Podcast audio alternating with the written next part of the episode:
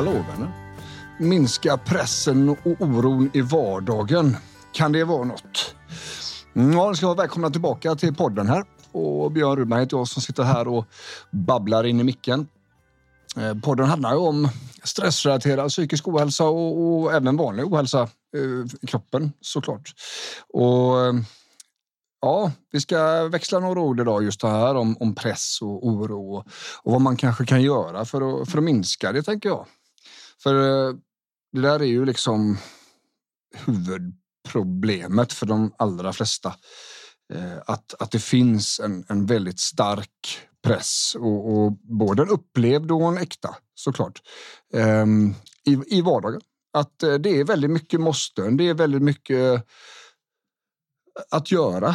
Ehm, det, det känns som att det är väldigt stora liksom, eh, konsekvenser om jag inte gör saker och, och vad händer om jag tar den här onödiga tiden och vilar lite grann? Då, då, då, kan jag ju inte göra det som jag måste göra och då är ju slöseri med tid är, är en ganska vanlig, vanlig formulering som jag springer på hos mig när jag jobbar då som, som terapeut med de här sakerna. Och jag tänker vi ska börja där. För att i många fall med de jag träffar, eh, inte alla, men men många, så när man börjar skissa upp på papper liksom, hur mycket det är, vad det är för någonting som är i vardagen att göra, så visar det sig att eh, rent tekniskt så är det inte så mycket. Men eh, känslan är inte sådan. Det är alltså mycket, mycket jobbigare upplevelser på insidan än vad det finns eh, liksom, behov från utsidan som pockar på uppmärksamheten.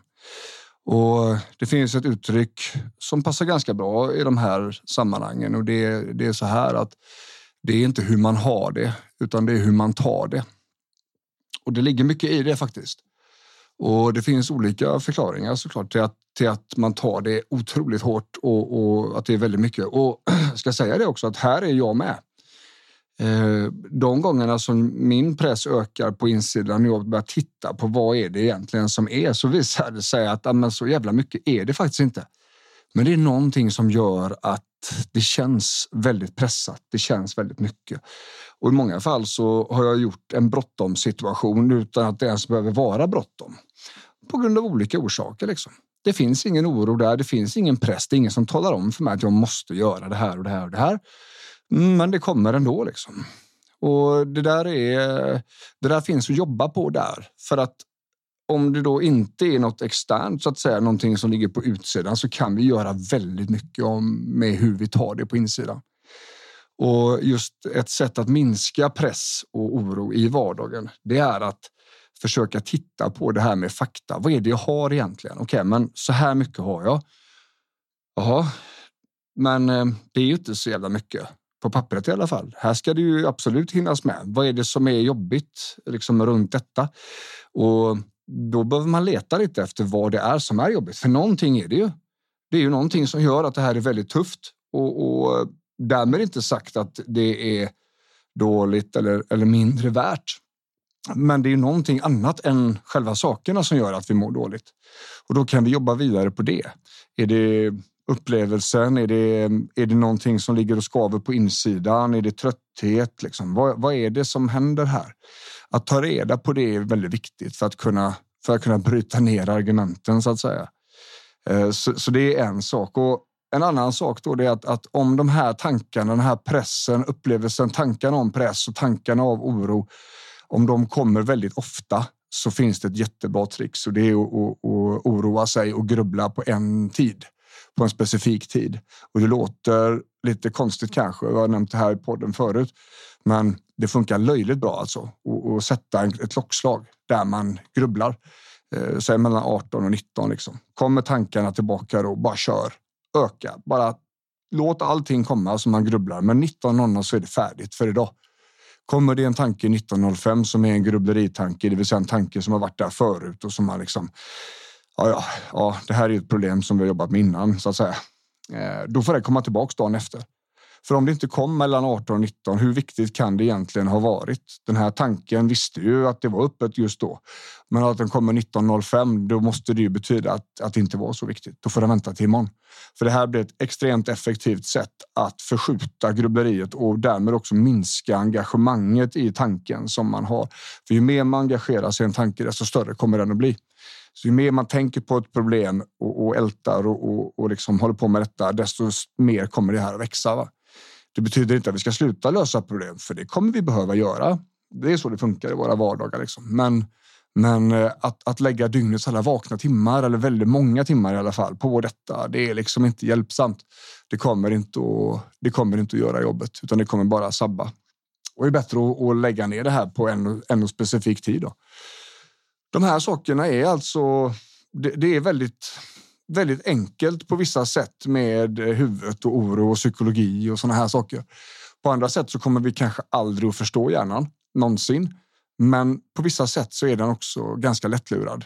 Och det här med att flytta tid, flytta grubbeltid, flytta tid där man har liksom oro och ångest och såna här saker till ett klockslag. Det funkar faktiskt. Och, och de, många av mina patienter, de, de är lite skeptiska till det där i början. Ja, men vadå? Bara flytta tanken, bara flytta ångesten. Vadå, jag har haft problem med det här sedan jag var 19. Liksom. Ja, testa får du se. Och så har man testat och så kommer man tillbaka och så är man nästan lite förbannad för att det gick, gick så bra. Då. Ehm, men det är i sak inget konstigt. Vi kan alltså rikta vår uppmärksamhet och rikta våran fokus på väldigt bra sätt i huvudet.